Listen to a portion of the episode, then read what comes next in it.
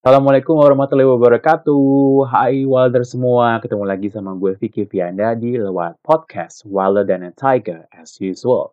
Gue mau ingetin nih sekali lagi dan gue nggak pernah bosan untuk ingetin lo semua untuk bisa untuk supaya bisa dapat updatean soal podcast ini, lo bisa follow gue di Instagram at Vicky Vianda. P-I-C-K-Y F-I-A-N-D-A. Dan juga jangan lupa dong follow lewat podcast di Spotify. Guys, guys, guys, guys. Apa kabar nih semuanya nih Wilder sekalian? Udah mau akhir minggu loh nih guys. Malam minggu atau Sabtu malam tuh biasanya dipakai jadi hari buat kencan. Celah, kencan banget bahasa gue ya. so, Wilder semua yang lagi punya pacar pada malam mingguan gak sih sama pacarnya?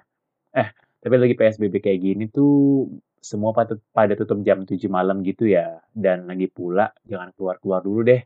Di rumah aja gitu um, menjaga diri gitu ya biar nggak ketularan dan juga nggak nularin orang gitu ya. Pacarannya lewat online dulu kali ya. Bisa Skypean, Google Meet, um, kemudian bisa juga video call, WhatsApp dan lain sebagainya, Zoom ya semua teknologi sekarang bisa dimanfaatkan untuk apa pun ya dari mulai yang berguna sampai nggak berguna sampai yang nggak bermanfaat sama sekali. Well anyway, so um, tadi kita balik lagi ke yang pacaran itu ya. So buat yang lagi PDKT nih, gimana usaha PDKT-nya? Udah kenal banget belum sama gebetan lo? By the way, ngomongin soal PDKT dan pacaran, pasti lo semua tuh pengen tahu dulu nih soal kepribadian dan kesukaan gebetan lo sebelum akhirnya menetapkan buat pacaran atau menetapkan menentukan dia memutuskan gitu ya untuk jadiin dia tuh jadi pacar lo. Apa sih yang biasanya Wilders cari tahu dari gebetan? Yang umum yang umum-umum ribet ngomong gue. Yang umum-umum tuh kayak biasanya hobi, terus musik apa yang dia suka, film apa yang dia suka, tempat hangout apa yang dia suka, dan lain-lain. Selain itu, ada juga yang pengen tahu soal personality dari gebetannya itu ya. Nah, alih-alih mengexamine sendiri atau mencari tahu sendiri, beberapa orang suka nih kayak nanyain zodiaknya apa, sionya apa, dan lain-lain ya untuk tahu apakah mereka cocok dalam segi zodiak dan sio. Kalau itu kan berdasarkan superstition ya atau tahayul atau hal-hal yang nggak bisa dibuktikan dengan ilmu pengetahuan atau sains. Nah, buat mereka yang suka banget sama sains dan anaknya tuh scientific banget, mungkin akan nanya, eh, apa sih MBTI kamu? Hmm, MBTI apa ya? Dan apakah benar berdasarkan ilmu pengetahuan? Hmm, beberapa dari lo mungkin udah ada yang familiar dengan MBTI atau MBTI. Gue lebih suka ngomong MBTI ya. Dan mungkin juga ada yang belum tahu sama sekali nih soal MBTI. Jadi MBTI itu apa sih sebenarnya gitu ya? So MBTI itu kayak singkatan dari Myers-Briggs Type Indicator. Ah, apaan tuh? Kayak mungkin yang yang benar-benar nggak kayak have no clue tuh kayak itu bahasa apa tuh kayak makhluk itu makhluk apa gitu ya. Jadi so gue pengen jelasin nih MBTI itu adalah indikator yang dapat digunakan untuk menentukan kepribadian atau personality seseorang.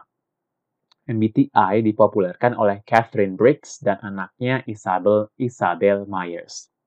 Dikutip dari Stormberg dan Caswell tahun 2015 melalui website Fox.com, Myers dan Briggs menciptakan indikator tersebut um, dan mulai menjalankan tesnya pada tahun 1942. Masih dari sumber yang sama nih Wilders, bahwa Myers-Briggs itu mendasari indikator mereka dari sebuah tes psikologi yang dikembangkan oleh seorang psikolog dan psikiater asal Swiss, yaitu Carl Jung. Jung, gue gak tau nih cara ngomongnya gimana. Tulisan namanya itu J-U-N-G. I believe it's Jung. Dalam bukunya tahun 1921 yang, berjudul, yang berjudul Psychological Types, Jung membagi, membagi manusia ke dalam dua tipe, yaitu perceivers dan judgers, atau kalau diterjemahkan ke Indonesia tuh kasarnya perceiver tuh artinya penerima, sedangkan judger itu artinya penimbang-nimbang. Kemudian perceivers dapat dibagi lagi ke dalam dua, mereka yang lebih condong ke sensing yang berdasarkan inderanya dan ke intuiting yang berdasarkan intuisinya. Judger pun judger pun dibagi dua lagi nih. Wilders yaitu mereka yang lebih cenderung ke thinker atau pemikir dan yang feeler atau perasa. Jadi ada empat tipe-tipe manusia nih menurut Carl Jung. Oke, jadi MBTI itu adalah sebuah tes kepribadian yang menunjukkan perbedaan preferensi psikologi seseorang dalam bagaimana mereka melihat dunia dan mengambil keputusan. Sama kayak tipe yang dikemukakan sama Carl Jung tadi, ada empat kategori atau tipe dalam menentukan kepribadian seseorang dalam tes MBTI. Pertama, introversion atau extroversion. Kedua, sensing atau intuition. Ketiga, thinking or feeling atau feeling dan empat, judging atau perceiving. Tiap-tiap orang akan punya satu kutub dari masing-masing tipe ini tuh, atau tipe tadi maksudnya, Wilders ya. Jadi antara dia introversion aja atau extroversion aja, sensing aja atau intuition aja, thinking aja atau feeling aja, dan judging aja atau perceiving aja. Nah, dari hasil pengklasifikasian MBTI ini terdapat 16 kepribadian yang disusun dari tipe-tipe tadi. Contohnya nih, hasil tes MBTI gue adalah INTP, atau dalam bahasa Indonesia adalah INTP. Yang artinya gue itu introvert, intuitive, thinker, dan perceiver. Ada 15 padanan lainnya di dalam MBTI. Ada INTJ, ENTJ, ENTP, ISTP, ESTP, dan lain-lain. Jadi kalau dalam website 16 Personalities, masing-masing tipe itu punya nama lu Walders ya. Kalau gue sebagai INTP itu namanya ada logician karena katanya orang-orang INTP itu logis banget. Jadi dalam dari tiap karakter itu atau kepribadian itu kayak punya kekhususan gitu kayak kepribadian A cocoknya di bidang ini kesenian, yang satu cocoknya di bidang scientific, uh, apa hal-hal berhubungan dengan sains dan lain sebagainya. Nah, Tahukah kamu kalau MBTI ini banyak dipakai oleh HR-HR atau Departemen Sumber Daya Manusia perusahaan-perusahaan gitu loh dalam merekrut karyawan. Karena kepopulerannya, maka tes MBTI itu dikomersilkan gitu guys. Tapi kita masih bisa kok dapet yang gratisan di internet. Kayak gue juga tuh tesnya di website yang gratisan gitu. Dari yang awalnya dipakai sama perusahaan-perusahaan atau organisasi-organisasi untuk mengetahui kira-kira gimana kinerja karyawannya atau calon karyawannya, MBTI pun melebar ke kalangan umum nih Wilders. Karena jadi gampang gitu nemuin tesnya di internet dan gratisan pula gitu. Ya orang-orang tuh jadi pada tes deh, jadi pada ngambil tes MBTI tersebut. Dan jadi kayak sebuah keharusan gitu untuk orang tahu MBTI orang lain, apalagi dalam proses PDKT dengan calon pacar nih Wilders banyak nih yang nyantumin MBTI-nya, MBTI tipe MBTI-nya atau karakter MBTI-nya di profil Tinder-nya supaya orang-orang bisa lihat apakah ada kecocokan dengan MBTI-nya atau enggak. Katanya kalau punya sifat introvert itu lebih cocok sama yang extrovert. Terus yang intuitif lebih cocok sama yang intuitif juga. Yang thinker cocoknya dengan sesama thinker. Dan yang perceiving cocoknya sama yang judging. Jadi sebagai INTP nih, gue sebagai INTP, gue tuh cocoknya sama ENTJ. Tapi ESTJ juga cocok sih, tapi tetap idealnya adalah ENTJ. Namun, sayangnya dari riset-riset yang gue lakuin, gue temukan bahwa MBTI itu nggak valid loh guys. Katanya, cara yang digunakan MBTI itu nggak sesuai sains atau ilmu pengetahuan. Bahkan masih dikutip dari Fox.com, tesnya Bapak Carl Jung tadi yang menjadi landasannya MBTI itu nggak didasari oleh teori um, I mean, didasari oleh teori yang belum diuji coba dan sekarang tesnya Pak Yung itu kasarnya kayak di, dianggap gitu di kalangan psikolog. Kemudian dikutip dari artikelnya Dean Burnett yang berjudul Nothing Personal, The Questionable Myers-Briggs Test dalam website theguardian.com bahwa Myers-Briggs itu cuma ibu rumah tangga. Mereka nggak punya latar belakang psikologi sama sekali loh, Walters ya. Nah, hal yang melatar belakangi mereka menyusun tes ini adalah supaya pada tahun-tahun saat Perang Dunia berlangsung, Perang Dunia Kedua berlangsung, tes itu dapat digunakan untuk membuat supaya wanita-wanita pada masa itu dapat masuk ke dunia kerja dan diberikan pekerjaan yang sesuai dengan personality-nya mereka. Jadi si MBTI ini kayak mempelopori tes ini itu di zaman-zamannya Perang Dunia Kedua tuh tahun 1942-an gitu supaya wanita-wanita atau perempuan-perempuan itu bisa dapat pekerjaan. Masih menurut Bapak Burnett tadi, tes seperti MBTI ini terlalu mengkotak-kotakan manusia ke dalam satu kutub atau satu sumbu. Either itu introvert aja atau extrovert aja. Gak bisa di tengah-tengah. Padahal gak ada nih orang yang benar-benar 100% introvert dan 100% extrovert. Gue pun begitu. Um, gue tuh diidentifikasikan, um, gue tuh mengidentifikasikan diri gue tuh sebagai introvert ya, karena hasil tes MBTI juga um, INTP gitu, introvert. Dan um, tapi gue tuh selalu disalahartikan nih sama orang-orang sebagai extrovert karena um, menurut mereka gue tuh jago public speaking, suka tampil dan sebagainya. Hal-hal yang orang introvert pada umumnya nggak suka lakuin. Well, I guess I'm not 100% introvert sih kayaknya. Gue bisa dibilang ambivert, yang artinya tuh ada di tengah-tengah antara introvert dan extrovert. Atau juga ada yang mengistilahkan outgoing introvert.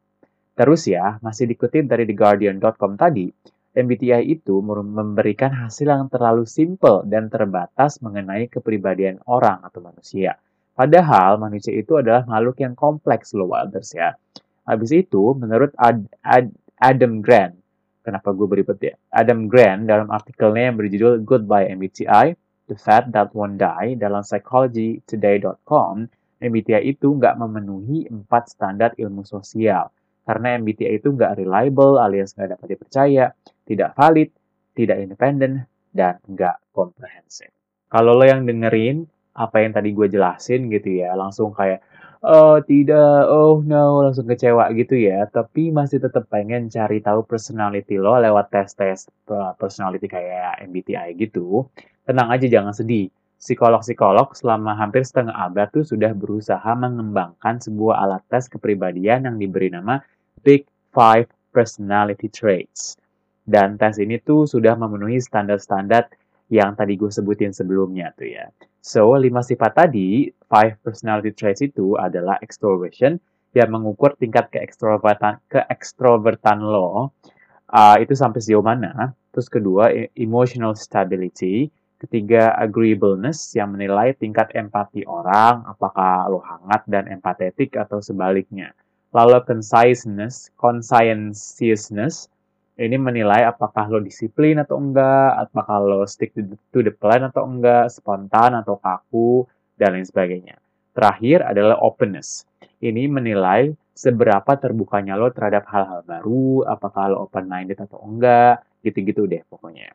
Nah, apakah lo tertarik untuk ngambil tes ini, Walters? kayak ada sih yang gratis online gitu di internet gitu ya. Coba deh dicek di Mbah Google. Jadi next time lo udah nggak perlu lagi nih masukin MBTI profile, eh MBTI tipe lo di profile Tinder lo karena udah digantikan dengan si Big Five Personality Traits tadi. Hehe. Gua bukan psikolog dan nggak punya background psikologi gue cuma tertarik pada hal-hal berbau psikologi karena gue tuh dari dulu suka aja mempelajari orang-orang gitu. Jadi kalau ada yang gak setuju dengan apa yang gue bahas kali ini, it's okay. Dan semua yang gue sampaikan tadi itu berdasarkan hasil riset yang gue lakukan ya guys. Dan yang gue rujuk bukan artikel dan penulis ecek-ecek loh ya. Tapi semua kembali ke uh, Wilders atau kalau semua gitu ya. Kalau lu udah nyaman dengan MBTI dan pengen terus percaya padanya, monggo silakan. Namun, satu yang perlu diingat nih, Wilders. Manusia itu adalah makhluk yang kompleks. Bisa aja dia tumbuh dengan sifat A, tapi karena suatu life event gitu, hal tersebut membentuk dia menjadi orang dengan sifat B. Yang mana later on dalam hidupnya itu bisa berubah lagi jadi sifat C atau kembali lagi ke sifat A. So, untuk mempelajari seseorang, um, itu sebenarnya simple sih. Lu tinggal cukup komunikasi aja kalau menurut gue ngobrol dan berinteraksi dengan manusia lain itu adalah cara yang paling gampang untuk tahu sifat orang lain. Lah, kalau untuk tahu sifat diri sendiri, gimana? Gampang juga. Sering-sering deh kontemplasi, ngobrol sama diri sendiri, have your own me time, kayak flashback apa yang telah lo lakukan sebelumnya, dan bisa dibantu dengan meditasi. Alright, alright, alright. Sekian dulu lewat podcast episode kali ini. Bagi yang masih nyari-nyari pacar dengan mengandalkan Tinder dan tipe MBTI lo di profile Tinder lo, gue doain nih semoga segera dapat pacar ya Walders ya. Sebelum gue sign off, gue mau ingetin sekali lagi untuk follow lewat podcast di Spotify. Dan follow juga nih Instagram gue di @vikivianda. V-I-C-K-Y-F-I-A-N-D-A. Sekali lagi di at Vicky Vianda, V-I-C-K-Y-F-I-A-N-D-A. Oke, Vicky signing off. Ketemu lagi di episode selanjutnya. Wassalamualaikum. Keep roaring, fellas.